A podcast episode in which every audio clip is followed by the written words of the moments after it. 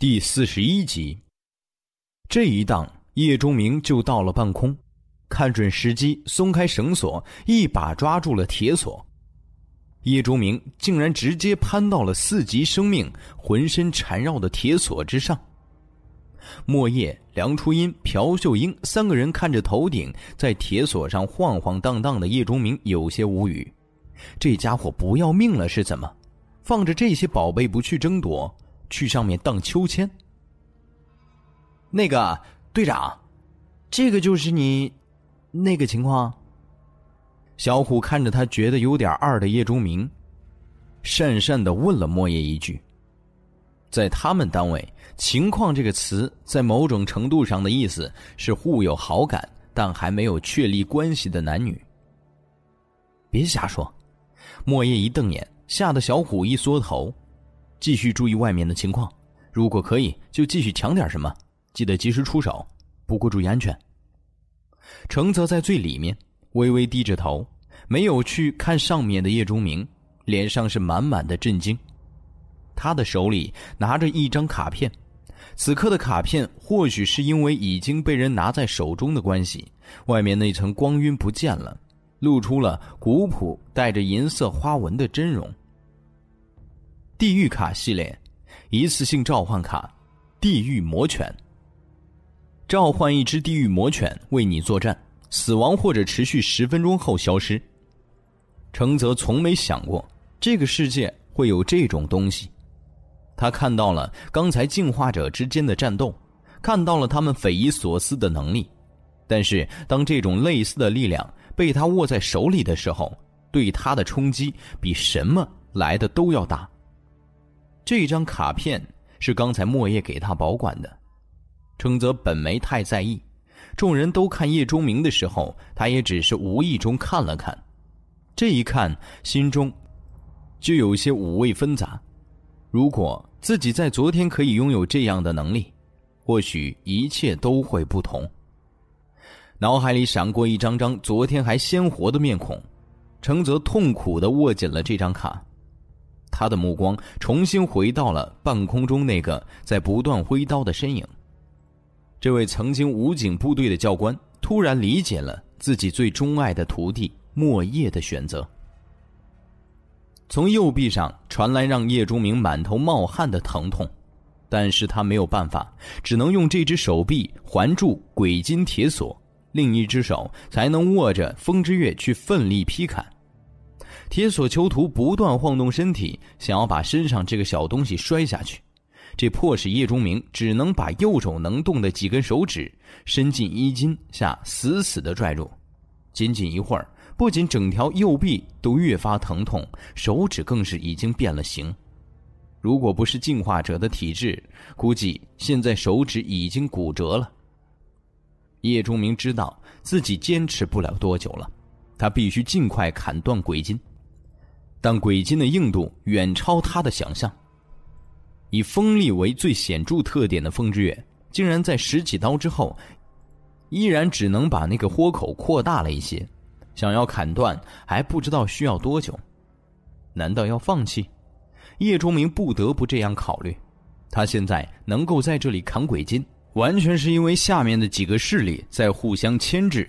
但这种情况持续不了多久，人类的防线。正在崩溃，丧尸变异生命马上就会到来。地上洒落的宝贝发出带着致命诱惑力的光芒，尝到了这些宝贝甜头的进化者们不会放任其在那里太长时间，说不定下一刻就有人忍不住出手，引起连锁反应。到时候身在半空的叶钟明肯定要受到波及，怎么办？仿佛在迎合叶钟明的担忧似的。下面的枪声突然弱了一些，王丁迅速的冲了过来，灵巧的在地上跳了几下后，就扣住了一个宝贝。这个动作让本来稀疏的枪声再次密集了起来，但仅仅坚持了几秒，就彻底没了声音。没有子弹了，这并不是一场真正的战争，没有什么完整及时的后勤供应。从怪物宝贝出现开始，弹药能够坚持到现在已经不错了。没有了漫天子弹的威胁，进化者的优势立刻显露了出来。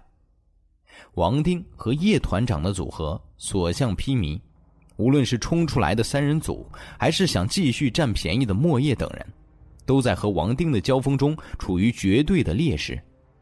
如果不是在进化者数量上有那么一点优势，那么现在王丁可能已经大杀四方，把所有的宝贝都抢到手了。下面一片混乱，叶钟明也不好受。铁索囚徒终于有些愤怒，他用血木在铁链上刮来刮去，希望可以把这个蝼蚁刮下去。这么做还真的有一些效果，好几次叶钟明都险象环生，差一点被血木蹭到，这让他连去砍鬼金的机会都没有了。如果这种情况再次持续几秒，叶钟明就要跳下去了。他已经看到莫叶等人已经扛不住王丁的攻击，再这样下去就会有人死去。就在放弃的前一刻，叶钟明眼神突然一凝，他看见血木上一处微小坑洼里有三枚指甲大小的黑东西。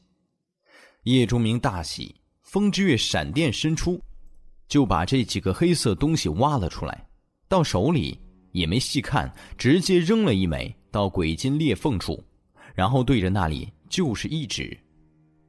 激活园丁职业技能。这黑色东西叶钟明认识，是食人花的种子，在前世是一种非常霸道的飞地植物。这些植物被怪兽从绝地中带出，在地球各处繁殖，有着不小的规模。而血木就是人们熟知的食人植物的祖先级存在。叶竹明没想到，铁索囚徒拿着的这根血木上竟然有了成熟的食人花种子。本来有了种子，最适合的园丁职业技能是培植，但叶钟明此刻可不是想要一株食人花，他只是想让种子快速的发芽，激活正合适不过。大量的精神力在一瞬间被抽走，叶钟明感到一阵虚弱。他本身已经非常注意补充精神力了。可是这一下依然让他所有的能量瞬间枯竭，但叶钟明不敢省，他怕达不到效果。食人花种子瞬间膨胀发芽，紫色的幼苗蓬勃而出，细细的，但是拥有强大生命力的根系扎入了鬼金的裂缝里，直接撑大了那些被砍出来的细纹。叶竹明看到大喜。激活是要消耗种子植物生命力的，只有短暂的作用。虽然食人花的种子没有鬼金那么珍贵，但是对拥有园丁职业的他来说，实际价值并不小于鬼金。如果这一次兵行险招失败的话，非但得不到鬼金，还浪费了一枚珍贵的食人花种子。好在成功了，叶钟明不再犹豫，右手从铁锁里抽了出去。利用重力和在铁索囚徒身上的奋力一蹬，挥起一刀就砍在了已经扩大的裂缝处。叮，金铁交击的声音几乎盖住了全场，让下面的人本能的抬头查看。只见一节黑色铁索已经被砍断，翻飞了几圈后就从空中开始下落。王丁目光一闪，哈哈一笑。大吼一声：“谢谢你了！”朝着鬼金落下的方向迅速奔去。他不知道这节黑色金属是什么，但是看到那个让他忌惮的年轻人如此舍生忘死的想要得到，傻子也知道绝对是好东西。眼看叶钟明费尽心思拼着右臂伤势加重，并且耗尽精神力砍断的鬼金，就要落入到他人之手。连莫叶等人都眼露绝望之时，一个黄色影子突然窜了出来，在王丁赶来之前，一口叼住了这节鬼金。铁索囚徒被自己身上的铁索被砍掉了一小点彻底激怒了，头顶青色的独角上光芒大盛，在他的大吼声中，就从那里放射出了一道道的射线，轰击在他的四周。废墟周围顿时成了人间炼狱，耗尽了全部力气的叶钟明从半空中直接摔倒了地上。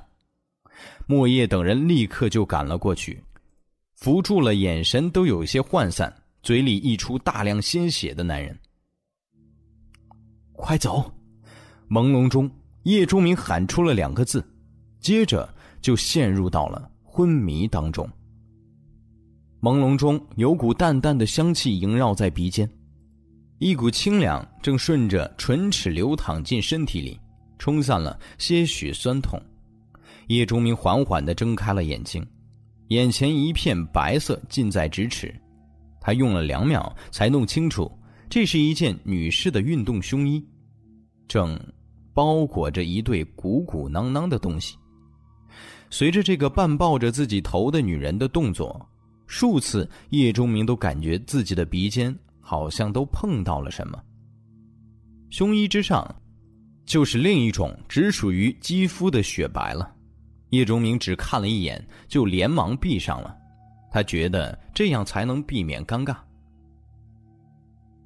你醒着的时候吧，我有时候觉得你挺讨厌的，整天冷冰冰，看人仿佛都要把人看透了似的。一副你谁也不在乎，谁都对不起你的样子。叶钟明听到这个声音，心中微愣。他本来以为自己昏迷了，照顾自己的应该是梁初音那个网红。他最支持叶钟明，也最想表现他自己。再不济也应该是莫叶那女人，脱离他的队伍来自己这边，应该是想明白了很多事情，照顾一下自己这个未来的靠山也不算过分。但怎么就是朴秀英，这个有点不靠谱的女人呢？这位女老师对自己不是很感冒吧？切，有什么神奇的？不就是厉害一点吗？身手好一点吗？那就可以对我吹胡子瞪眼吗？你这几天的胡子都是我给你刮的，姐长这么大，还没给人做过这种事情。你美去吧。叶钟明沉吟了一下，在考虑自己是不是要表现出醒来的迹象，以制止这位美女老师对自己的口伐笔诛。哼，以为整天一张死人脸对着我就能掩盖你认识我的事实了，就能掩盖你是我学生的事实了？不就是想避免我们是师生产生的尴尬吗？我没直接说出来是给你面子，知道吗？当时你和你那个漂亮女朋友那么吸引人注意。你当我是瞎子呀？怎么可能没发现你？当然了，我更多的是看看校花，你最多就一陪衬。朴秀英继续着自己的喋喋不休，而叶钟明则发誓自己是冤枉的，他真的对这位老师没什么印象，或许有印象，但十年后也给忘了。但是，叶中明，我告诉你，一日为师，终身为父，知道吗？严格来说，你得管我叫妈。或许自己也觉得这话有些不要脸，已经陷入自我世界深深不能自拔的朴老师声音转小，嘟囔道：“妈好像给我叫老了，嗯，就算不是妈，那也得是小妈。哎呀，小妈也不太好听，有点小三儿的感觉，就就叫姐吧。那你也得管我叫姐，对，叫姐。”说完，伸出手，还轻柔的拍了拍叶钟明的侧脸，用一种洋洋得意的语气道：“叶钟明小弟弟。”呵呵。叶钟明无语了，这类似于魔音的絮叨停了一会儿，转而是一声满是担心和无奈的叹息。可是，死人脸小弟弟，你还是快醒吧！我们现在的情况很不好，每天都要为了食物和水去冒险，每天都在被追杀。每天都要战斗，和丧尸的，和怪物的，和同类的，连我都会用你那把刀了，我也杀过了人。这一段突如其来的转折，让叶仲明心中因为“小弟弟”三个字升起的一丝丝涟漪瞬间消失，取而代之的则是浓浓的不解。为了食物和水这些生活必需品去和丧尸战斗，他理解，可是被追杀是怎么回事？不仅仅是这样，队伍里也不太平。杨震那帮人讨厌极了，他们都是莫姐以前的同事，倚仗着前几天撤队时帮过我们，整天就想着那些宝贝怎么分，和初音已经冲突过好几次了，每一次莫姐都压着他们。可是我知道他夹在中间挺为难的，特别是他的教官，好像也有些其他的想法，让莫姐很伤心。但是有个夏姐姐人还不错，说话也公平，不过没什么用，没人听她的。说到这儿，朴秀英再次叹气。连我都感觉很累了，莫叶、初音他们一定更累。小弟弟，你快醒吧，这世界终究还是你们臭男人的，没有你，我们这帮女人有些坚持不来。声音越来越低，最后一句话的时候已经微不可闻。发了一下呆，收拾好了水瓶和剩下的半碗稀粥，朴秀英起身就要离开。我睡了多久？可有个声音却打断了他的脚步。两秒钟后，屋子里响起了朴老师的惊声尖叫。靠在墙角，叶钟明看着面前神色各异的这些人，心中全是冷笑。莫叶、梁初音、朴老师这三个女人绝对是满心欢喜，脸上都带着抑制不住的笑容。他们的高兴真心实意。叶钟明昏迷的这四天，他们真切体验到了什么叫做不当家不知柴米贵。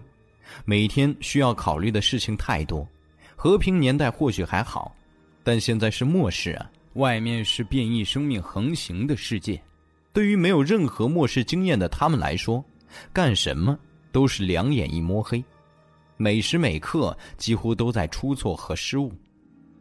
这几天，他们真正知道了之前在叶钟明带领下是活着多么轻松的一件事。不仅轻松，还成了进化者。而这几天，别说提升实力，连活下去都有些困难。除了三女之外，屋子里还有七八个人。叶钟明眼熟的有两人，应该是那天莫叶带来的人。一个稚气未脱的年轻人正好奇的看着自己。仿佛自己脸上有花，另外一个年纪大些，面无表情，拦着自己的眼神中有一丝戒备。剩下的五个人都不认识，领头的是一个有些秃顶的中年男人，抱着双臂冷冷的看着叶钟明，他就是朴秀英嘴里的那位杨震，和莫叶工作时是一个系统的，挂着副局长的头衔。这几天就是他叫嚣分宝贝最凶。其他四人都是他的手下，另外三个倒是没什么，只有一位女性很是吸引叶钟明的注意。这女人将近三十岁的样子，相貌身材俱佳，最重要的是举手投足之间满是成熟女人的味道。哪怕是在这间被大火焚烧过、四处黑漆漆的房子里。也依然掩盖不住这股风情。她，应该就是夏雷。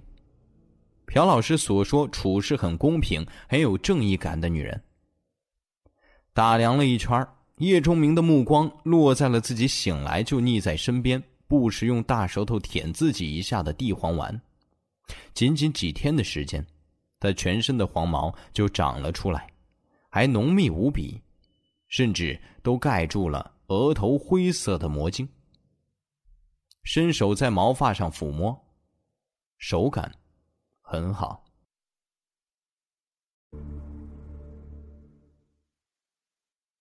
第四十二集，东西呢？叶钟明轻轻挠了挠地黄丸的下巴，轻声问：“地黄丸仿佛听懂了一般，呜了一声之后就窜了出去。”片刻后，又跑了回来，嘴里叼着一块黑色东西，正是叶钟明拼了老命得到了那块鬼金。摸着冰凉的黑色金属，叶钟明总算放下了心。之前他在湖畔广场被王丁追的时候，之所以会冒险回头开枪打死怪物宝贝，一是为了确定怪物宝贝召唤来的荧光绿怪兽是不是会随着他的死亡而消失。二就是为了让地黄丸进入战场。怪物宝贝的召唤号角对除了人类之外的所有变异生命都有作用，地黄丸也不例外。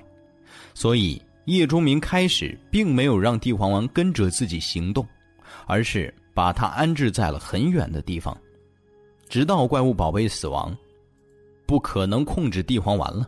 叶钟明才拿出早就准备好的一个经过铜质强化过的口哨，通知地黄丸到来，并且让其潜伏在了自己周围。在最关键的时刻，这条忠诚的大狗突然出现，叼走了鬼金，让王丁抢夺的行动落了空。当时叶钟明由于精神力透支，并且从高空跌落摔了一下，加上之前的伤势，一下子。就陷入到了昏迷当中。刚才在召集所有人之前，叶钟明从朴秀英那里了解到自己昏迷后的这四天里发生的事情。叶钟明昏迷，莫叶等人带着他开始向外撤离。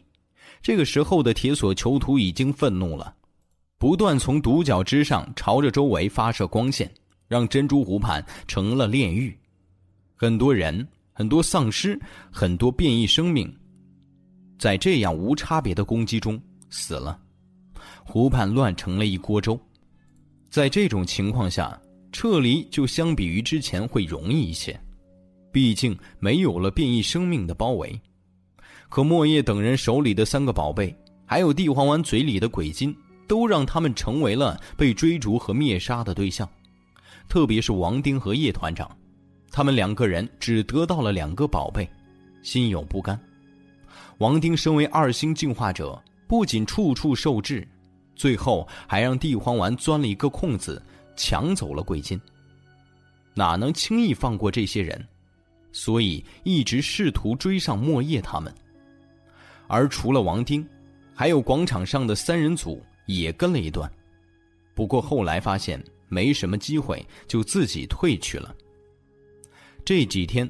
王丁和叶团长带着一些人阴魂不散地追踪着莫叶这个团队，其中最危险的一次是在第二天的时候，大家被堵在了一栋大楼里，是偶然碰到了王震这些人，加上成龙的牺牲，最后才逃了出来。即便是这样，直到现在也没有彻底摆脱王丁等人，不知道什么时候他们又会出现在附近。这些天。莫叶三女不仅要出去找食物和水，还要照顾昏迷的叶钟明，拖累了整个队伍的逃亡速度。王震这些人非常不满，甚至提出了扔下叶钟明的提议。在被拒绝之后，又开始打那些宝贝的主意。莫叶和这些人是同事，又被他们救过命，所以不好闹得太僵。但梁初音脾气本就不好，又是叶钟明的极端维护者。看不惯王震这些人，这几天来和他们发生了数次冲突。如果不是莫叶和夏雷两边坐着和事佬，估计早就打了起来。王震这些人手中有枪，梁初音虽然是进化者，但之前没有受过专业训练，所以他们并不惧怕。加上莫叶的左右为难，朴秀英的善良，程泽的不动声色，他们更是有些嚣张了。叶钟明的苏醒让王震这些人惊了一下，聚到这里之后，却看见这个莫叶等人，视为主心骨的年轻男人有些病殃殃的，心中的顾忌本能的消失了，于是对地黄丸这条一级变异狗有些畏惧的这些人，在看到了那块黑金之后，再也掩饰不住眼中的贪婪。这位兄弟，你既然也醒了。我想，我们应该谈谈报酬的事情。王震一直都没坐下，这个时候，叉着双腿、抱着双臂的他，看着叶钟明是从上向下的俯视。他知道这是一种能够给人以压力的姿态，他希望以此来占据谈判的主动。看着这个秃顶男人，叶钟明笑了一下：“你说。”王震哼了一声，朗声道。之前你们几个人被王丁那王八蛋堵住了，是我带着我的人把你们解救了出来，这事儿不假吧？叶忠明看了看莫叶，女警官点点头。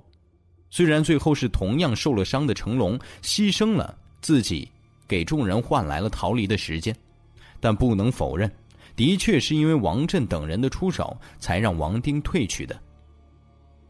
后来的这几天，我们几个人也没闲着，出去找食物、找水、找落脚的地方，杀丧尸、杀变异种，和王丁老叶那些人火拼，哪一样都没退缩过，这也没错吧？的确都没退缩过，就是偷奸耍滑，苦活、脏活、危险活都不做就是了。梁春英看不惯王振这邀功的模样，加上本就不对付。在一边出言讥讽：“小丫头，你闭嘴，没你说话的地方。”王振一指梁初一骂道：“不是看在莫叶的面子上，早弄死你了。现在外面什么情况，你不是不知道，弄死你跟玩儿一样。”你，梁春英被人当着叶钟明的面骂，哪还能忍？提着柳条鞭就要发作，却被叶钟明按住了肩膀。看着王振一副我吃定你的模样，叶钟明眼中光芒一闪。所以兄弟，老哥我也算救过你好几命了，想要得到点报酬，并不过分吧？叶钟明点点头，不过分。王振听得眼睛一亮，赶紧道：“我知道你们那天在珍珠湖得到了不少好东西，不如这样，这些东西拿出来分分，你看如何？”就当救命之恩的报酬了。世界进入末世已经快到一个星期了，现在凡是在外面冒过险的人，几乎都知道了轮盘的存在，都知道了进化者的存在，都知道了种种神奇的存在。王震等人自然也不例外，于是对这些就更加的向往。他们没有碰到轮盘，就算是碰到了。他们也没有那种拼了命去和丧尸厮杀，以获得大量魔晶转动轮盘的勇气。于是莫叶等人那天得来的宝贝就成了他们的希望，已经觊觎很久了。东西在哪儿？叶钟明问莫叶。莫叶赶紧从他随身带着的背包里拿出了一个盒子，递给了叶钟明。打开后，里面有两样东西。那天，莫叶等人最终得到了三样宝贝，三人组得到了一样，王丁一伙人得到了两样，其余的由于当时形势太混乱，不知道去了哪里。一共三样，这里却只有两样。面对叶钟明询问的目光，莫叶尴尬的看了看自己的教官，程泽从自己的兜里用双指夹出了一张卡片，晃了晃，却丝毫没有递过来的意思。叶钟明深深看了程泽一眼，然后把盒子里的两样东西拿在了手里。第一样，是一个配方卷轴。叶钟明打开，上面写着“配方：远足药水，药剂师专用，服用后两个小时内耐力增加，增加度和药剂师等级、材料等级相关。”竟然是一张药剂师的配方，远足药水。这东西叶钟明听说过，在前世属于很流行的一种人工药剂，无论是平时狩猎还是战斗都可以用到，有减缓疲劳、增加体力等作用。当时大师级的药剂师制作的远足药水，效果可以持续一整天，增加的耐力据说让人有种脱胎换骨的感觉。的确，远足药水算不上最顶级的人工药剂。配方自然也就不是最顶级的配方，可绝对算是很实用的配方，无论自己使用还是用来交易都非常不错。东西是好东西，可惜现在自己这些人里，没人是药剂师这种副职业，所以学习不了，只能先放着。叶钟明又看向了第二样东西，这东西入目就让他心头一热，空间水晶。容量一立方。空间装备，这东西在末世绝对算是顶级装备啊！虽然不能给拥有者增加实力，但是空间装备胜在方便。末世里绝大多数人都过着颠沛流离的生活，就算是聚集点里的人，也都不知道哪一天会离开。所以积攒的家当怎么办？如果有空间装备，就会方便多了，并且空间装备有着不腐的特性，也就是说，东西放在里面无论多久，都会保持放入当时的新鲜度，不会发生腐败变质这种情况。这就可以储存食物和一些保质期不长的东西。叶钟明前世就知道有一些专门贩卖奢侈品的末世商人，就用空间设备来运货，里面都是刚出炉的各种美食、各种新鲜水果、蔬菜、新鲜肉蛋等这些末世里昂贵抢手的东西。有了空间装备，一些必须随身带着又不想被人发现的东西，就有了储存的地方。越是高手，就越需要这东西。好处还有很多，叶钟明暂时也想不起。但有一点是不能否认的，就是空间装备绝对是好东西。大型空间装备更是被视为神器一样的存在。这个空间水晶只有鸡蛋大小，携带方便。空间虽然只有一立方米，但放些平时用的，比如魔晶之类的也就够了。省得背着个背包那么麻烦，好东西露出来还会被惦记。真没想到，竟然可以得到一件空间装备。叶钟明是过来人，自然知道这东西的数量是多么的稀少，而物以稀为贵，自然也知道这东西的真正价值。怪物宝贝，真真是末世里发家致富的一个捷径啊！合上了盒子，叶钟明看着程泽问道。那是张什么卡？召唤卡。程泽话不多说，回答也有些含混。莫叶俏脸通红。这张卡片是他放在程泽那里保管的，可是谁想到这么几天，自己的教官，这位亦师亦父、备受尊敬的人，会以种种理由拒绝归还。霸占这张卡意图明显。在莫叶看来，虽然这些宝贝是他和这些人抢到手的。但却是属于叶钟明的，因为从找到这些宝贝开始，到出手抢夺这些宝贝，全部都是叶钟明计划的一部分，自己只是完成了最后一个步骤而已，绝大部分的功劳都要归于叶钟明。现在因为自己一个宝贝被人占了去，莫叶感觉非常羞愧，同时也对自己的教官有些失望。他不明白，这位一直让他尊敬的人怎么会干出这种事情呢？莫叶又不好意思强索，只能红着脸，心中埋怨自己没用。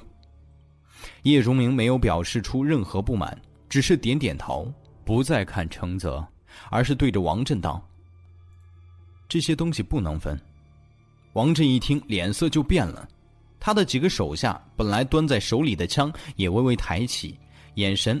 不善的盯着叶钟明，小兄弟，这话我可就不明白了。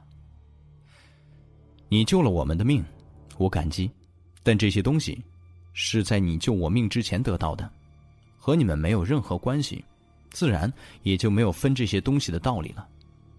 叶钟明道：“那你就是耍赖了。”王振气的眼角都吊起来了，身上散发出丝丝杀气。叶钟明摆摆手：“你听我说完。”说着，指着怀里的盒子和程泽手中的卡片道：“这些宝贝是莫叶这些人拿到的，所以他们有所有权，他们都不够分，还怎么分给你们？这样吧，我用其他东西来代替，如何？”叶钟明慢条斯理的道，一只手一直在摩挲着地黄丸的长毛。用其他东西代替，王震嗤笑一声，以为叶钟明在敷衍他，冷笑着说：“ 行啊，我看看你能拿出什么东西。”叶钟明让梁初音打开自己的背包，从里面掏出了一瓶液体。免疫药剂，可以让你们不会变成丧尸。看着这东西，除了已经注射了免疫药剂的三女之外，其他人，包括夏雷，都目露渴望。谁也不愿意变成那种没有意识、恶心、丑陋的怪物。免疫药剂就可以做到这一点，由不得他们不动心。王震舔舔嘴唇，心说：“这小子果然有好东西。早知道他的背包里有这玩意儿，就应该先下手为强。这东西不错，但是不够。这个时候，王震自觉吃了亏，更是变得不那么容易满足。叶钟明又在包里摸了摸，拿出另一管药剂——一星净化药剂。服用之后可以成为一星净化者。至于什么是净化者，我想你们已经清楚了吧？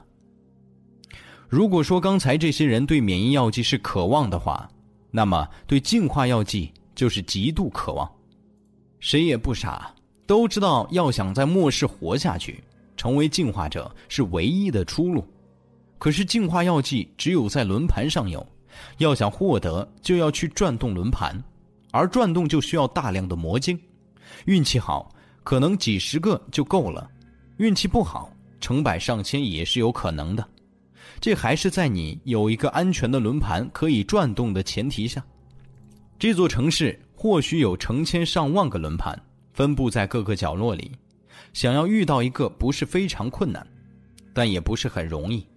加上转动所需的魔晶数量，可以说，要想获得一星净化药剂，那是需要不停的拼命的。如今有现成的一瓶净化药剂摆在眼前，这意味着什么？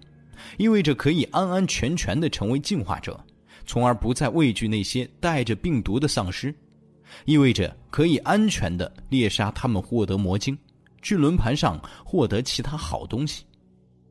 这进化药剂就是和平年代那些富豪的第一桶金。王震的手下都开始骚动，他们心中明白，无论是从王丁手上救了叶忠明，还是这些天所谓的帮助。都是机缘巧合，在很大程度上都是为了他们自己。如果这种顺带的帮忙能够换来一瓶免疫药剂和一瓶净化药剂，绝对是大赚特赚。他们都看向了王震，等待着这位在刘局被铁索囚徒射线杀死后的最高领导同意。可是，他们却听到了王震咬着牙道：“还不够。”王震，你别不要脸！现在外面一星净化药剂是个什么价格？你不是不清楚。昨天还碰到两伙人为了一瓶净化药剂大打出手，死了几十个人，贪得无厌也要有个限度。梁初音柳眉倒竖，气呼呼的瞪着这个中年男人，恨不得上去给他们两下。王局，我觉得很公平了，这些免疫药剂和净化药剂也是我们用命换来的。莫叶看到这种情况，也有些生气了，皱着眉头说道：“王震紧握着枪，大嘴一咧。我可不觉得你们的命就值这么点儿。”叶钟明低下头，眼光寒芒涌动，再抬起头时，已经又从包里拿出了一枚用塑料防震气柱包裹着的怪兽蛋。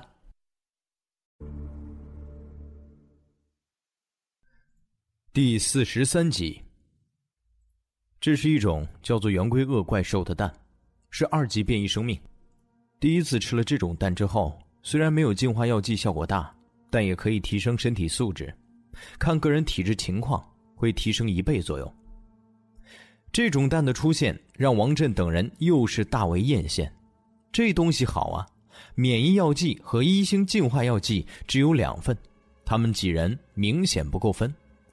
如果有了个这枚蛋，那就算分不到药剂，能够吃一些这东西增加实力也是不错的。其实说起实际价值，圆规鳄的蛋要超过一星净化药剂，毕竟一星净化药剂只能让一个人成为进化者，而这枚蛋却可以让很多个进化等级不超过二级的人都提高实力，累加价值更高。进化者吃了有用吗？王震问道：“有用，一星进化者吃了后效果甚至更好一些。不过超过二星进化者服用，提升的就要少了。”我要了。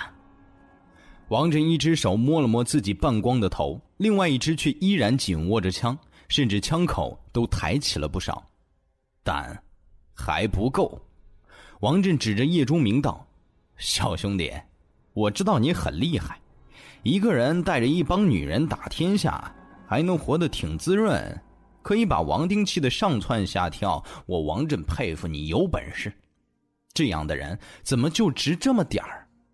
等你养好了伤，又生龙活虎了，这些好东西不都是唾手可得吗？你说对吧？现在多付出一点为了以后能够多得到一点这是我混了半辈子明白的道理。现在免费教给你。叶钟明摇摇头，那张卡片给你了，这些总够了吧？众人的目光一下子集中在了程泽的脸上，随即又集中在了他手里的卡片。王震和程泽两个人脸色都是一变。王震想要这张卡片吗？无疑是想要的，但是他在单位混了这么多年，怎么会看不出来那个叫做程泽的男人现在霸占了这张卡？说实话，如果不是程泽这个男人游离在莫叶等人之外，造成了那个叫做小虎的选择了中立，王震还真不敢面对莫叶承泽这对师徒和小虎这个优秀的战士。如果再加上梁初音和朴秀英。他可能连便宜都占不去，可正是因为承泽的私心，才让王震如此肆无忌惮。承泽也没想到叶钟明突然会这么说，心中一沉。这个年轻人轻轻一句话，就把矛头转移到了自己和王震身上。如果自己手里是普通的东西，王震或许不会当回事儿，但自己手里的是张神奇的召唤卡片，谁不动心？王震能轻易放过？哪怕王震现在不表现出什么，事后也绝不会放任卡片还在自己手里。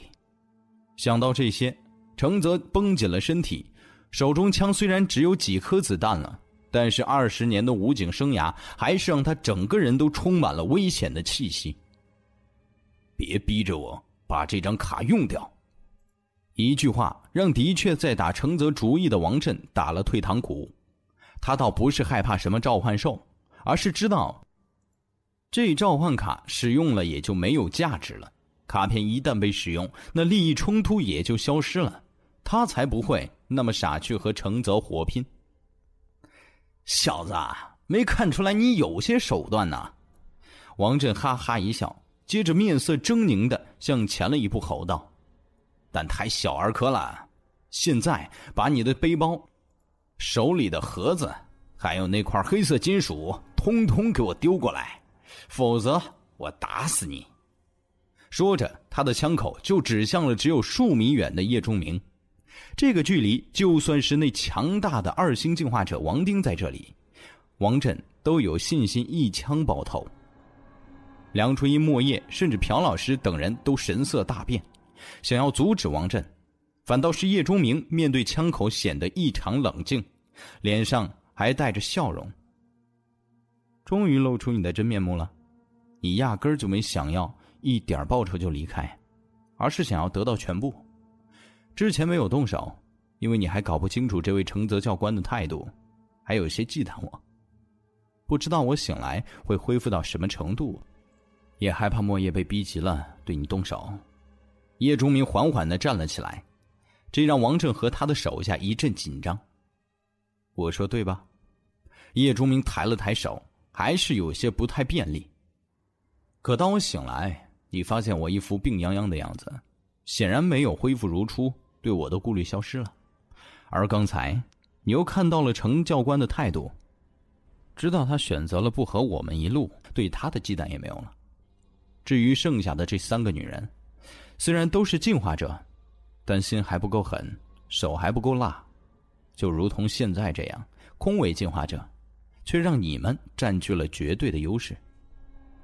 这句话，说的莫叶、良初音和朴秀英三女脸色通红，都为自己的表现感到羞愧。在这种关键时刻，竟然什么作用都起不了，还让刚刚醒来的叶钟明陷入了险境。知道吗？我之前真心实意的想要感谢你，免疫药剂、净化药剂、圆规鳄的蛋，都是我准备付出的。甚至如果你还觉得不够，我还可以给你们一些东西。叶钟明脸上的笑容消失了，取而代之的是暴雨前的阴沉。但你，太贪得无厌了，你想要全部，你想要我们所拥有的一切。甚至，我还从你的眼睛里看到了你对这几个漂亮女人禽兽般的欲望。这话就有些诛心了，让几女身体一颤，连还有些迷茫的莫叶看着王振的眼神都开始不对了。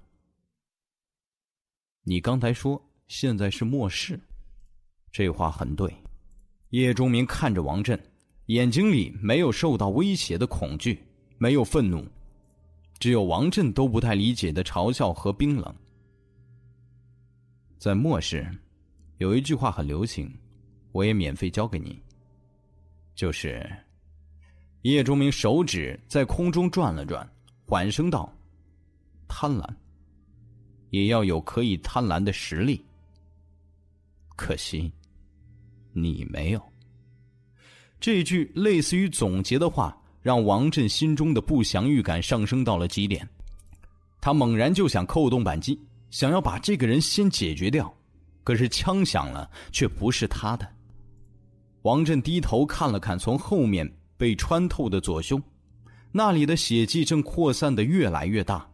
他眼睛一黑，带着不解离开了刚刚开始的末世。从二楼的窗户看下去，程泽有些步履蹒跚。失败者能够活着离开已经是一种幸运了，不幸的都变成了尸体，被割下脑袋的尸体。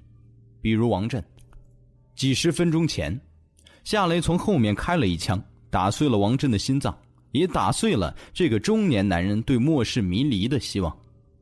跟着王振的人也在惊愕当中被突然抱起的地黄丸直接咬死了最铁杆的一个，其余两个人和程泽一起离开了。这间被大火烧得面目全非的屋子，此刻只有六个人，莫叶和小虎。在后面神色复杂的看着外面教官的背影，也看着叶钟明不动如山的背影。两个男人，两个背影，但此刻代表的意义却决然不同。一个代表着失败，一个代表着成功。成功者拿回卡片，失败者遭到放逐。如果是前世，叶钟明一定会选择杀掉任何敢于侵犯自己利益的人。但这一世，他想要的身份不同，做事自然要周全一些。杀了程泽简单，却要面对莫叶离心的结局，这不是他想要的。把这些肉和这瓶免疫药剂去给他送去。叶钟明突然把说的这些东西塞给了一脸落寞的莫叶。虽然他做的事情有些不好，但终究你们师徒一场。有了免疫药剂。和可以少量增加体质的咸肉，我想程教官会活下去的。莫叶眼睛顿时恢复了光彩，感动的咬着下唇，不知道要说什么。这位女武警显然更适合拿枪，而不是说谢谢。看着兴冲冲而去的莫叶，夏雷在一边看了叶钟明一眼，微微嘲讽道：“你都把人赶走了，这么做。”不觉得虚伪吗？你虚伪一个给我看看。夏雷被噎得张了张嘴，却什么都没说出来。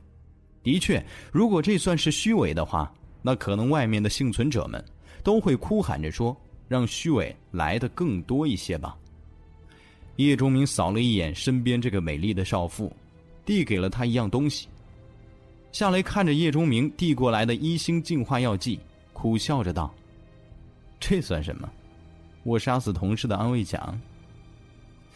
不，叶钟明活动着身体，眯着眼睛说：“在末世来临的那一刻，这个世界上所有的人，关系都变了。王振已经不是你的同事，只是一个威逼你、利用你的贪婪之人。你没有什么对不起他的地方，哪怕你杀了他，也是他该死。”夏雷摇头。我之所以杀了他，是因为我需要你的帮助。他就算该死，也不该是我把他杀死。奉劝你一句，趁早放弃这样的想法，否则说不定什么时候你的胸口就会多出来一截刀尖，而你却永远都不会知道是谁插了这一刀。你总是习惯给杀戮找一个理由吗？叶钟明笑了。因为我从不觉得自己是高尚的，所以我杀人也不需要理由。夏雷背脊一凉，觉得这个带笑的年轻人身体里藏着一个红色的恶魔，那红色是用鲜血染成的。我也不高尚，以前杀人是为了正义和法律，刚才是为了私欲。曾经叱咤风云的女人，有些过不去心里那一关。叶竹明没有劝，这种东西只有自己想明白了才好。该说的他都说了。希望你能够遵守诺言，把我送到那里去。叶钟明点头。我虽然不算什么好人，但承诺的事情一定会做到。一场可能会发生大规模流血的冲突就这样消失了。这让梁初音和朴秀英都觉得叶钟明有种翻云覆雨的能耐。其实叶钟明只是更善于发现人群当中能够利用的东西。每个人都有私欲，这是叶钟明坚信的真理。在和平年代，人们想要的都多不胜数，更何况没有规则的末世。所以在召集所有人之前。他悄悄见了朴秀英，嘴里处事很公平的夏雷，谈判没有多艰难，甚至顺利到只用一分钟的时间。因为夏雷有需求，她迫切想要去找她的丈夫，可这几天下来却越来越绝望。外面满世界的危险让他根本就不敢远足。这个时候，叶钟明找到了他，条件是帮他在必要的时候干掉王震。报酬是叶钟明伤好之后护送夏雷去找她的丈夫。如果换成其他人，可能不会答应，但夏雷曾经经历过无数生死考验，所以他会杀人。如果换成其他人，可能不敢答应，但夏雷这几天见识了末世的残酷，所以他敢杀人，会杀也敢杀，于是，一切就这么发生了。还有一点。王震这几天也确实做了些不干不净的事情，这让夏雷气愤和愤怒，甚至他还骚扰过这位魅力少妇，这成了夏雷下定决心的又一个理由。队伍内部的危机暂时解除，可叶钟明知道自己不能松懈，因为王丁甚至那个三人组可能都掉在身后，说不定什么时候就会杀来。他既然已经苏醒。就要把前些天得到的东西变成实实在在的硬实力。好在受伤的身体和右臂虽然还没有完全恢复，但已经不影响正常行动。精神力经过了几天几夜的昏睡也盈满了，总体来说状态不错。叶钟明开始盘点珍珠湖畔的得失，首先是失去的，最大的损失无疑就是那把新枪。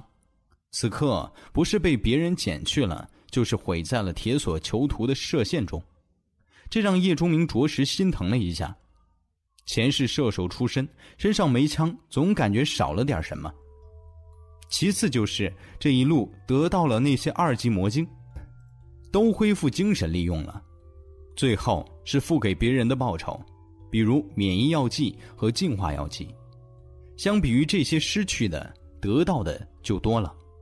可谓收获巨大，这让叶钟明不得不想起了一句话：“人无横财不富。”得到这些东西里最值钱的肯定是这一块足有两斤重的鬼金。虽然叶钟明暂时还不知道它的用途，但以前世的价值来衡量，足有一千克的鬼金价值连城，是他其他身家总和的数十倍。除了鬼金之外，叶钟明还从铁索囚徒那根血木上得到了两颗食人花种子，这也是好东西。只要花些时间培植出来，绝对是看门护院的最佳选择。剩下的分别是一张远足药水的配方，一个空间水晶，一张地狱犬召唤卡，一块孔羊皮，一个羊宝，一个职业晋升卷轴，还有已经学会了的初级凝幻术。剩下还有一些不重要的材料，清点了一下，叶竹明正考虑要如何利用这些东西，可突然想起了什么，在自己怀里摸索了一阵，就掏出了一个金色东西。这是怪物宝贝背着的那个袋子，确切的说，就是一块方方正正的黄金布，被当成了包裹皮。夺宝的那一天，叶钟明为了让各个势力混乱，让王丁暂时没有精力找自己麻烦，他撕开了黄金袋子，让他们去争夺散落的宝贝，自己则去砍下一截鬼金来。没想到的是，他撕袋子的时候竟然没撕碎，只把封口打开了。叶钟明当时没时间多想，顺手就把这块感觉奇怪的布塞到了怀里。现在清点战利品。自然想了起来，黄金布非常的柔软细腻，摸起来顺滑无比，有着最高档丝绸一样的手感。可是叶钟明确定，这绝对不是什么丝绸，也不是他所熟知的任何一种纺织品。再次尝试了一下，依然撕不开这块奇怪的布。叶钟明现在有伤在身，进行激烈的战斗肯定是不行，但在力量上还是普通人好多倍的。别说撕开一块布，就是一张铁片，叶钟明也能掰弯。但为什么就撕不开这块布呢？叶钟明想了想，把风之月拿了过来，小心翼翼在黄金布的一角轻轻切了一刀，结果让他大惊失色。以锋利著称，砍鬼金都能够留下印记的风之月，竟然切不开这黄金包裹皮。摸了摸耳朵，叶竹明突然一刀狠狠的斩了下去，然后把布拿起来仔细看。这一次，他找到了一点不同的地方，在黄金布被砍到处，出现了一条非常淡、不仔细看都会忽略的白色痕迹，并且这痕迹正在缓缓消失。消失，叶钟明感觉有点头皮发麻，一块布。怎么会出现这种事情呢？就好像有生命了一样。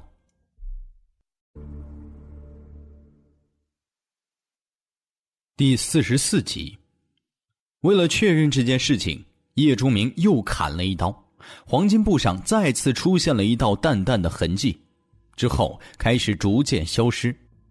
二十多厘米长的痕迹，大概只用了五六秒钟就完全不见了。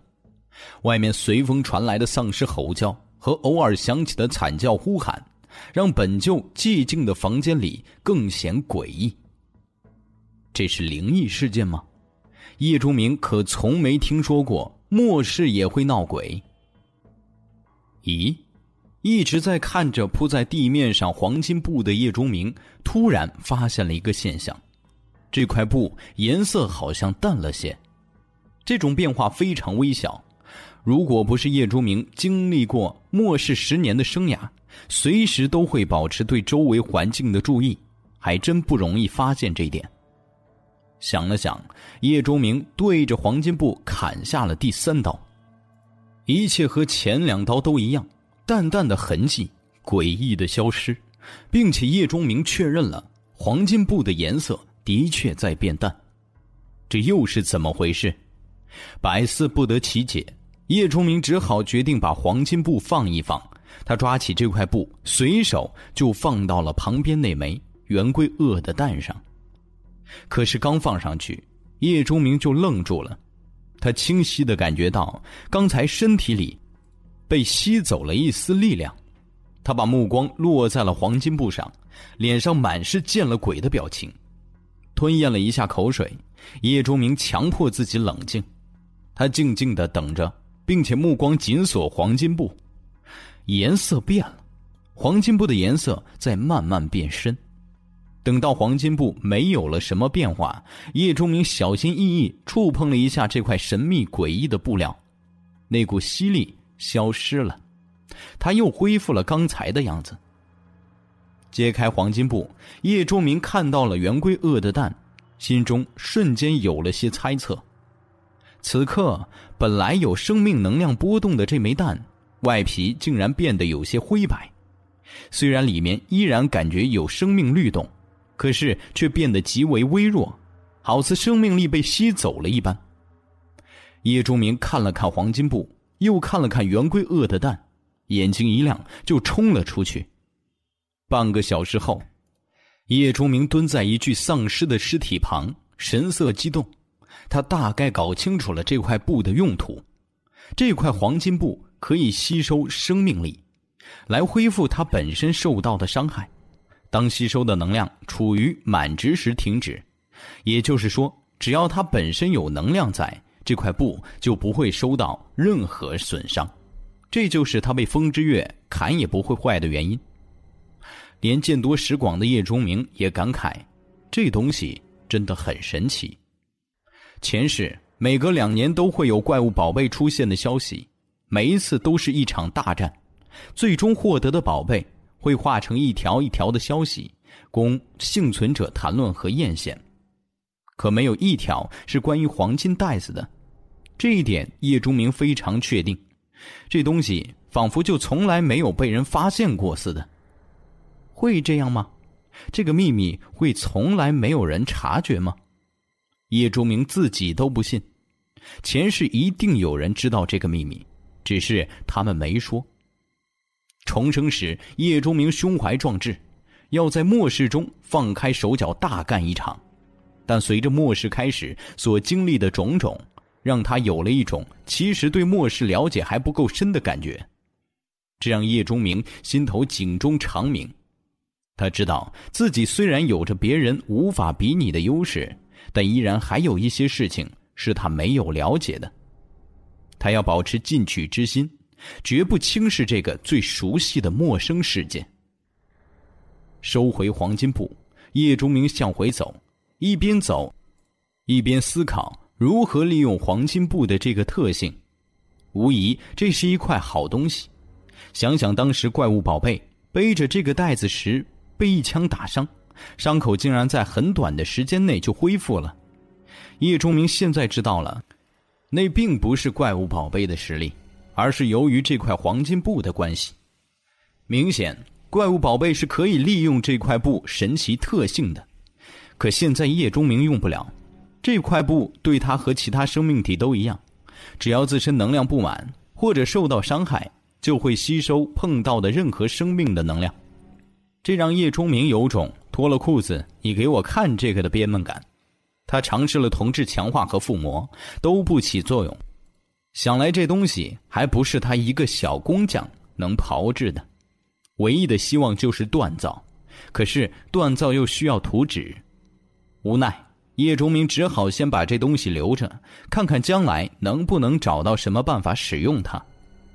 回到了房间，叶钟明拿起了羊宝，这是为数不多这一次的收获里可以直接提升实力的东西。为了吃这东西，叶钟明特意在回来的时候找了一罐白糖，因为他听说羊宝这东西入口的味道实在是很不好，不放些糖，是个人都受不了。羊宝看起来不小，不过由于它是絮状物的结构，所以捏实之后没有多大，比鸡蛋还要小一圈。叶钟明在羊宝上抹了一些白糖，就塞进了嘴里。先是一股奇腥无比的味道进入味蕾，然后就是让身体都要燃烧的辛辣和腥臊。好一会儿后，这股味道才随着羊宝被咽下而转淡。可随着杨宝进入消化系统，叶钟明猛然感觉一股爆了一样的力量开始在身体里升腾。这股力量非常狂暴，如同火山爆发一般，所过之处熔岩流过似的，让叶钟明全身通红，只能佝偻在地，以此来减缓疼痛。暴虐的力量在他身体里肆意的游荡了两圈之后，渐渐消失。缓缓坐起来的叶钟明已经浑身湿透，嘴唇都被咬破了，血腥味满口。找来一瓶水喝了一口，冰凉的液体滑进身体，才让他好受了一些。嗯，叶竹明动了动拿着水瓶的右臂，好像伤好了呀。起来跳了跳，果然那天受的伤都已经恢复。以前叶忠明没吃过羊宝。因为孔阳这东西在绝地中也并不多见，并且很多孔羊后来已经成为了高等级变异生命，皮糙肉厚，速度快，非常难杀，能够得到羊宝的机会不多，就算得到了，以叶钟明前世的地位也分不到。而且羊宝这东西，进化等级越低的人服用效果越好，五星以上的强者们绝少有专门去对付孔羊的，因为他们吃了羊宝根本没效果。但叶钟明现在是一星进化者，服用的又是二级恐羊的羊宝，效果自然绝佳，身体恢复，体质也增加了一些。叶钟明随便试了试，感觉已经快要接近常人的八九倍了。除了这些非常明显的变化，叶钟明还发现自己的精神力得到了大幅度的增加。以前叶钟明估算过自己的精神力在二百多点这一次的增加已经超过了三百点，直逼三百五十点。由于拥有两个职业的缘故，叶钟明的精神力一直都不太够用，经常因为精神力的枯竭造成身体失控。现在一下子增加了这么多精神力，无疑大大缓解了这一情况。并且叶钟明可是拥有初级凝幻术的人，那是一个根据召唤载体和精神力。付出多少来计算威力和持续时间的技能，精神力的增加可以说从侧面增加了这个技能的威力，让叶钟明在战斗的时候可以根据战况来控制这个技能的使用。杨宝让身体出现了这么三个变化，叶钟明挺高兴。至于传说中杨宝能够让人拥有一些特殊能力，而自己服用之后并没有出现这种情况，他也并不觉得什么。末世神奇的事情经常发生，但不会每一个都落在你的身上。这个道理叶钟明懂。身体恢复，精神力增长，让叶钟明干起活来都充满了力量。把孔羊皮、圆规恶蛋、远足药水配方、黄金布、职业晋升卷轴、地狱犬召唤卡和食人花种子，都放在了空间水晶里。叶钟明的手里。只剩下了最后一样东西，鬼金。这么大一块肯定是不能一次都用掉的。叶钟明想了想，觉得反正现在精神力够用，干脆就用采集提炼术把鬼金处理了一下。这种耗费精神力极多的荣耀工匠职业技能果然很厉害。在整整消耗了一大半精神力之后，鬼金也在这种技能之下。分成了叶钟明想要的一百份，这让叶钟明有了幻想：如果自己的精神力有一亿点，直接摸一下铁锁囚徒身上的那些鬼金锁链，那么所有的鬼金就都是自己的了。叶钟明瞄了一眼外面阴沉的天空，觉得还是不做白日梦了。一百份鬼金，每份十克左右。叶钟明决定试验一下效果。用一份十克鬼金来做试验，如果让前世那些工匠知道，一定会骂叶钟明败家。鬼金这东西通常都是一克一克用的，但谁让现在叶钟明手里多呢？所以他也没有太在意浪不浪费的问题。在众人不解的目光中，叶钟明再次跑到了外面一条偏僻的街上，找了一台汽车，就使用了锻造术，光芒一闪。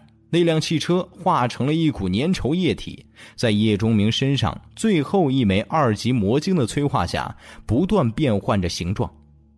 叶钟明适时的把鬼晶和降以天赋技能发射的那种古针投入了进去，当成增加额外属性的材料。片刻之后，一把和叶钟明手里风之月有些相似的银色长刀出现在了眼前。叶钟明松了口气。还好成功了，这百分之五十的失败几率，他总觉得略坑爹。风之月，明，基础风力二十，属性一，力量加十，属性二，穿透加十。鬼金附加技能之全力之芒，使用者全力挥动武器，出现长度为刀身三分之一，锋利度增加五的刀芒。叶钟明身体一抖。差点就没拿住这把新鲜出炉的风之月。上一次锻造风之月，因为有了之前白色砍刀的加入，做模板，所以最后的属性叶钟明是相当满意的。基础锋利十，基础韧性五，还增加了两个属性：锋利十和力量三。可以说，上一把风之月已经完全是把可以和二级甚至三级进化生命相对抗的兵器了。但是加入鬼金之后，这一次锻造全新的风之月竟然好到令人发指。鬼金的加入不仅让图样上固定的基础锋利增加到了二十，并且另外增加的两个属性力量和穿透也都达到了恐怖的十。这个数字看似不大。但叶钟明已经有了深刻体会，不说穿透对锋利的加成效果，就说力量加十这个属性，就足以让叶钟明使用这把刀的时候，一刀的威力增加一倍有余。这其中应该会有二级紫云降影那根古针的作用，但叶仲明相信，起到决定性的还是鬼金。最让人感到难以置信的，就是鬼金增加的那个附加技能。刀芒啊，这是刀手主职业在达到大师级之后才会得到的职业技能，是晋升职业是否达到一个绝高层次的标志。职业要经过见习、初级、中级、高级这样的发展过程，末世里绝大多数的幸存者所拥有的职业等级都集中在这个阶段，而在这个过程之上的大师级、导师级和超凡级。则是凤毛麟角的存在。通常，幸存者会把达到超凡级的人冠以“神”字，神刀手就是指超凡级别的刀手，神将就是指超凡级的工匠，其他职业都是如此。而大师级和导师级，因为距离超凡级最近，所以人们又习惯称之为次神级。大师级的近战职业。会出现锋利的芒这样的职业技能，于是就成了次神级的标志。鬼金的这个附加技能竟然是这种标志性的芒，怎么能不让叶钟明激动？或许这个芒的威力没有次神级和神级的职业者那么强大，但是再次增加锋利五，让刀芒光光在锋利一项上就达到了二十五。这个数值加上穿透的十，叶钟明觉得。都可以割开四级铁索囚徒的皮肤了。鬼金竟然强大如斯，叶钟明强迫自己抑制住继续锻造的想法。他知道鬼金的珍贵在自己这个见习工匠的身上体现的并不明显，没有更好的材料和蓝本，也无法真正发挥出鬼金的全部优势。所以现在继续锻造其实是一种浪费。当然，他手头也没有二级魔晶了，背着双刀回到了临时落脚点。对于叶钟明的神奇，已经有了些免疫能力的三女，只是微微感到新奇，看了新刀一眼就收回了目光。倒是夏雷和小虎则有些惊了，风之月可不是什么短匕首，藏在身上不显眼，这家伙算上刀柄一米多，想不注意都难。这个男人刚才跑出去的时候，身上还有一把刀，怎么回来就变成了两把？他们可都是见识过之前那把风之月厉害的，特别是夏雷，这少妇是个用刀的高手。刚从警校毕业的时候，曾经跟一个北派的刀法家专门学习过刀法，并且深知什么是好刀。他可以很肯定，那把刀是他见过的最好的刀。对于再次出现一把这样的刀，他比谁都惊讶。小虎没什么心眼儿，虽然前面因为兄弟成龙的死亡对叶钟明有些看法，但其实他心中知道那怨不得别人。在这样的世界里，每时每刻可能都会死去，随时可能都要选择生死。这几天过去，那点芥蒂已经放下，现在看到叶钟明弄了把新刀回来。就自来熟的凑了过来。嘿，又弄了把刀，给我看看。说着就要去抓，出手奇准，速度飞快。叶钟明眼睛一眯，身体一侧，就在小虎指尖碰到刀柄之前闪开了，出声道：“想看刀？可以，看你能不能拿到。”本来就有些试探成分在内的小虎一听这话就高兴了，嘿嘿一笑：“这可是你说的，一会儿可别怪我欺负病号。”说完，左腿一插，就封住了叶钟明的退路，右肘借着现在的姿势上撩，直奔叶钟明的下巴。这一下要是打上，基本上就要 K.O. 了。看到小虎如此干净利落的动作，叶钟明也来了兴致，伸手垫在了自己下巴下面，同时膝盖弯曲，猛压小虎的腿，坚硬的肘部打在了手掌之上，被手指紧紧的扣住。一条腿被压，身体有些动弹不得。小虎临危不乱，身体猛然用力，以被压住的腿为支点，另外一只手握拳，半个身体扭曲着砸出了一拳。可是突然之间，小虎感觉身体一轻，造成支点不稳，一下子就有点失去平衡。但他终究是受过严格训练的战士，深吸了一口气，生生控制住了失衡，拳头拐了一个弯。就要继续攻击，但他停住了，因为叶钟明已经消失在了他的视野里。下一秒，小虎就感觉后背被人轻轻推了一下，让他有些扭曲的身体站直。小虎颓然放下拳头，他知道自己输了。这一推如果换成一击，他已经死了。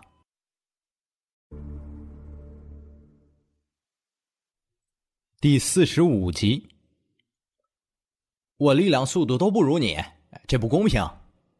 小虎有些不服，他认为这是自己和进化者之间身体素质差异造成的。叶钟明挺喜欢这小子的劲头和性格，拍了拍他的肩膀道：“这世界没什么公平可言，谁强大谁就是规则的制定者。况且，就算你也是进化者，你依然不是对手。”小虎梗着脖子不服，我不信。什么时候你出手不是以制服敌人为目的，而是以杀人为目的？那个时候你才有资格和我对抗。说完，叶钟明拿出了一张地图铺在了桌子上，不再管有些愣然的小虎。末世，你可以不去无缘无故的杀人，但你不能不会杀人。现在我们在这儿。叶钟明对着围聚过来的众人点了点地图，这是他末世之前准备的。我们要去这里。叶钟明又点了点另外一个地方，那里是城市的新区，开发只有两年多。这期间，大部分政府机关都向那里搬迁。夏雷的丈夫就在那里上班，叶钟明答应把他送去。这直线距离也不近呐。梁初音看着地图说道。这些天的末世生涯，已经让他身上多了一丝彪悍，少了一丝柔媚。从目前的地方到新区，直线距离就超过了二十公里，并且要穿过市中心，那里是人流最密集的地方，丧尸也最多，相当的危险。叶钟明点点头，现在这种情况开车是不行的，末世已经开始了快一个星期。外面已经完全被丧尸和变异生物占领，声响大一些，就会吸引附近几个街区的丧尸，那样过于危险，所以我们只能步行。并且，叶钟明手指划过地图，这里、这里还有这里，都是难点。穿过这些地方，不仅需要实力，还需要一点运气。叶钟明指着的地方，除了市中心外，还有一处规模庞大的生活区。另外一个地方倒是很意外，是一家集疗养治疗于一体医疗机构。其他地方我可以理解，这里是怎么回事？因为职业的缘故，莫叶对城市非常熟悉。他指着这家医院道：“那里。”叶钟明目光闪烁了一下，他自然是知道缘由的，只是暂时还不能说的那么清楚，因为连他自己。都不太敢确定。末世的医院都很古怪，那里也需要我们注意。对这样含混的回答，众人自然不解。不过谁都没继续问。叶钟明已经数次证明了他决定的正确。既然确定了目标，我决定这样走。叶钟明拿起笔，在地图上画了一条路线。在这绕路我可以理解，可以避过那个人口密集的小区，但是从这里走，又从这里绕是什么意思？如果这样走，哪怕一切顺利，我们都需要十五个小时以上，多耗费一倍的时间。为什么要这样？夏雷其实已经心急如焚，只是他是专业人员，比普通人更加冷静。但看到叶钟明画出来的路线明显绕路，自然就有了不满。现在外面的情况你们比我了解，你们说说，你们都看到了什么？几个人对视了一眼。梁初音作为最大的拥趸，配合道：“大量的丧尸，数量比之前多出好多，并且有一些很怪异的，实力明显超过了普通的丧尸，还有那些变异的动物和植物，不说随处可见，也差不多。还有人，很多坏人。”朴老师在一边弱弱补了一句：“这些天，他的价值观和道德观已经被彻底颠覆。”看到了很多在之前可以称得上人间惨剧的事情，他对这个印象最深。是啊，叶钟明微叹了一声，昏迷这几天完全浪费了，他自己觉得很可惜。否则，就算还不能成为二星进化者，其他方面的实力也一定增强了许多。外面现在举步维艰，每一寸土地都布满了要命的东西。说着，转向了夏雷。我答应过你，送你去见你的丈夫，但并不意味着我就要用我和我的同伴的生命去冒险。我无法保证每个人都万无一失，但至少我要尽量做得更好，让我们都更加安全。我想夏小姐也不想我们还没走到地方就身先死吧。那你的绕路，去增加实力，增加成功护送你的几率。看到叶钟明态度坚决，夏雷也就不再说什么。那么现在出发吗？莫叶问。不。叶钟明微微摇头。这些天你们受委屈了，这场子自然要找回来。邓哥，又弄来了三十五枚，这次应该够了吧？阿丽提着长矛从外面兴冲冲的跑了进来。随手带上了这家被他们清空丧尸的宾馆房门，大手里捏着一把还带着血迹的魔晶。壮汉正在给小童换药，被长矛穿透的伤口，即便是身为进化者，也不是那么容易好的，并且为了这些伤药，三个人可是费了好大的劲儿，甚至和别的幸存者发生了冲突，真正用人命换来的，别人的命。瞪了大呼小叫的阿丽一眼，刚想骂他，现在发出这样大的声音不是找死吗？可一看到阿丽变了形的脸，邓哥又把话憋了回去。伤口可以愈合，但是碎掉的骨头却不行。如果还是和平年代，去医院做个手术，把阿丽脸上被王丁一下打碎的颧骨弄一弄，养一段时间就会好。但现在末世，根本就找不到医生。所以只能保持这个状态，这么几天下来，脸倒是不疼了。可碎掉的骨头已经因为进化者的良好体质而开始长在一起了。以后这个本来很帅的小子，估计就要这样人不人鬼不鬼的活着了。邓哥都替阿丽感到难受。我们一共有多少枚 G 晶体了？邓哥包扎好了小童的伤口。走过来，蹲在地上，捡了一颗自己刚刚抽过的烟屁股，点着后问道：“阿丽，把毛插在一边，从一个包里把魔晶倒了一地，数了数说：‘已经三百多枚了，应该差不多够了。’邓哥摇摇头：‘你忘了我们上一次怎么失败的了？拿抢来的那双银色鞋子换来的二百六十枚魔晶都浪费了。’”听到这个，阿丽也心疼道：“谁知道这玩意儿转动起来，竟然需要的魔晶一次比一次多呀！没什么值得埋怨的，能碰到那个轮盘已经是我们的幸运，否则可能咱们三个都死了也说不定。”小童缓缓坐了起来，伤口处依然很疼，但比前两天好很多，估计再有四五天就影响不大了。可惜啊！当时没追上那个抢了三个宝的队伍，否则的话，拿去换魔晶，也能让小童有职业了。邓哥闷哼了一声，没有说话，但心中对此不以为然。他健壮有力，还是力士职业，心思却是三个人里最细腻的，否则也不会成为三个人的老大。他知道，虽然放弃了继续追踪那个小队，但一点都不可惜。那个小队里有三个进化者，其中一个女人很厉害，不仅有威力巨大的枪，身手也绝佳。单独对上他，无论是自己还是阿丽，都讨不到什么便宜。没有职业的小童则根本就不是对手。一旦咬着人家不放，等到他们带着的那个昏迷男人醒来，事情就棘手了。况且还有强大的王丁跟着，就算自己三个人能得到一些便宜，最后也是给人做了嫁衣，何必去触那个眉头呢？但这些话邓哥没挑明，让阿丽保持心中的一股气很重要，否则这小子整天对自己毁掉的脸发呆就不好了。混蛋！趁我们不在，陈军那帮人把轮盘给占了。今天碰到他们，陈军和他弟弟已经是进化者了。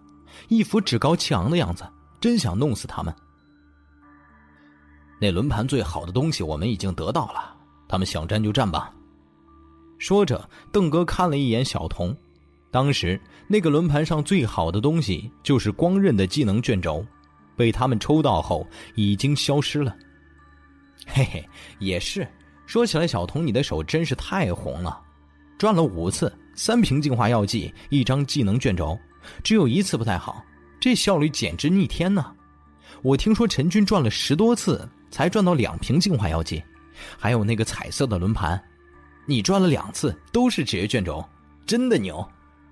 邓哥听到这个，嘿嘿一笑，刚想说什么，突然脸色大变，身体猛然窜起，就要扑到小童那边，可是已经晚了，一个鬼魅的身影从那一层的窗户翻了上来。一把闪着银光的刀，已经放在了小童的脖子上。是你？叶钟明点点头，是我。阿丽在一边想去拿他的那把长矛，可门这个时候被撞开，两个举着枪的人冲了进来，黑洞洞的枪口指着他，让他不敢轻举妄动。邓哥面如死灰，他没想到在这个住了好几天的屋子里，竟然被人偷袭了。这里可是七楼，外面是光滑的外墙瓷砖。那个人是怎么上来的？小虎快走两步，把枪口直接顶到了阿丽的头上，喝道：“保头，蹲下！前几天不是追杀我吗？现在继续啊！”这边莫叶歪了歪脑袋，邓哥咬咬牙，不得不跟阿丽一样蹲下。就算他是进化者，是职业者。可这个距离也绝不可能躲开子弹，一次最简单的突袭就把两个职业者和一个进化者控制，这种事情也只有在末世初期才会发生。随着时间的推移，所有幸存者都学会了谨小慎微，在住处四周安装无数的陷阱和警报。要杀要剐来吧，但别认为我们会服软。小童这女子倒是泼了。被风之月抵着脖子，还敢说这话？叶钟明沉问道：“杀你们还需要这么麻烦？以你们的警觉性，我至少有十种方法让你们悄然无息的死去。”小童听得脸色一变，咬着牙道：“原来是想上老娘，行，来吧，我就当被狗上了。”叶钟明一呆，心说：“这妞是不是有点受迫妄想症？”这话，小虎听了哈哈一笑，对蹲着两个男人说：“你们谁是狗，或者都是狗？”你放屁！小童冲着小虎就要开喷，被叶钟明一个手刀打晕了过去。梁初云立刻过来，把这个女人绑在了床上。叶钟明走到邓哥面前，收起了风之月，道：“我问你一个问题，回答我，放你们走。”不回答，我杀了你们。你说，邓哥也干脆知道现在必须低头，否则被杀是肯定的。现在不比以前，杀人可没人抓。那个彩色轮盘在哪儿？听到这个，阿丽和邓哥面色无比难看。那个轮盘是他们最大的秘密，说出去，那上面剩下的东西肯定就没他们份儿了。等了几秒，叶钟明转身抽刀，砍向了昏迷的小童。等等，邓哥站起来，伸手就要阻止，被一边的莫叶直接一枪托砸倒。叶钟明的刀悬在了小童的头上，鲜血流淌了一脸的邓哥趴在那里，确定，如果他刚才不喊，这个人真的会痛下杀手，因为刚才的瞬间，这个人身上带着的那种气势和自己杀人时一样。在哪儿？在龙润家园八十三号楼，幺幺零七。带我去。龙润家园，距离三人组落脚的这家快捷酒店并不远，步行几分钟就到。甚至在他们休息的房间，就可以看到幺幺零七的窗户。房间里非常昏暗，只有彩色轮盘的光芒起到了一些照明的作用。其他凡是能够从外面看到里面的地方，都被厚厚的布遮挡住了。叶钟明吸了口气，让自己稍微有些激动的心。冷静了下来，面前是一个彩色轮盘，还是五彩轮盘，只是有两个区域已经变成了灰色，上面的职业卷轴被人拿走了。叶竹明这时也不由得想起了前世听到的那条关于这个三人组的传说，红极一时，然后销声匿迹，想来就是因为这个五彩轮盘。不能否认的是，他们的运气很好。不仅碰到了有着光刃技能的普通轮盘，还碰到了专门为职业而设的彩色轮盘。这家伙有点特殊啊！小虎看着五彩轮盘大呼小叫，满是对这个轮盘的新鲜和好奇。看到自己发现的大秘密被人就这样占了去，邓哥、阿丽还有醒了过来的小童都气愤难当。邓哥眼中更是时不时闪过怨毒的神色，在他看来，叶钟明就是强盗，抢夺了属于他的东西。人就是这样，总是习惯于从自己的角度考虑问题，特别是涉及到利益的时候，更是会本能的认为一切和自己有关的利益，全都是自己的利益。的确，轮盘是他发现的，叶钟明属于抢夺，但他们就高尚了吗？不一样，为了争夺宝贝，在珍珠湖畔对叶钟明痛下杀手吗？所不同的是，那个时候他们处于优势，现在处于劣势罢了。末世没有对错，只有强弱。看来我们需要在这里待上一段时间了。叶钟明看向轮盘的目光有些迷离，摸着风之月光滑的刀身，小虎不断发出啧啧的声音。对这把战刀爱不释手，叶钟明终于忍受不了，转身对他说道：“你小子能安静下吗？我们在埋伏，好不好？一把破刀有什么看的？发现了彩色轮盘只是第一步，转动五彩轮盘需要大量的魔晶。叶钟明既然不打算放过到了嘴边的两个职业卷轴，自然要出来猎杀丧尸。破刀。”小虎声音陡然提高了不少：“你说这是破刀，简直没有审美，这叫绝世宝刀。你看见他砍起丧尸了吗？那叫一个砍瓜切菜，分分钟尸横遍野呀！”闭嘴！叶钟明不理解，这么一个好好的小伙，怎么就有话痨的趋势呢？叶哥，你手里我手里这两把刀造型相似，不应该是巧合吧？小虎嘿嘿一笑。没有闭嘴，反而凑过来问：“叶钟明点点头，职业，我有工匠职业，这两把刀都是我打造的。职业并不是什么绝密，幸存者们早晚会知道。既然小虎跟莫叶进入了自己的小队，那么对他就没有必要隐瞒。这么厉害，小虎在那里抓耳挠腮，显然也想拥有职业。都是有条件限制的。”以后你有了职业就会明白。我什么时候能有职业呀？小虎看了叶钟明一眼，无意间说道。叶钟明笑了笑：“你也不用如此拐弯抹角的试探。我可以和你明说，那个轮盘上还有两种职业可以获得，我会根据职业的类型进行分配。分配的原则就是：盯着小虎，叶忠明缓声道：“谁更愿意坚定的和我走在一起？”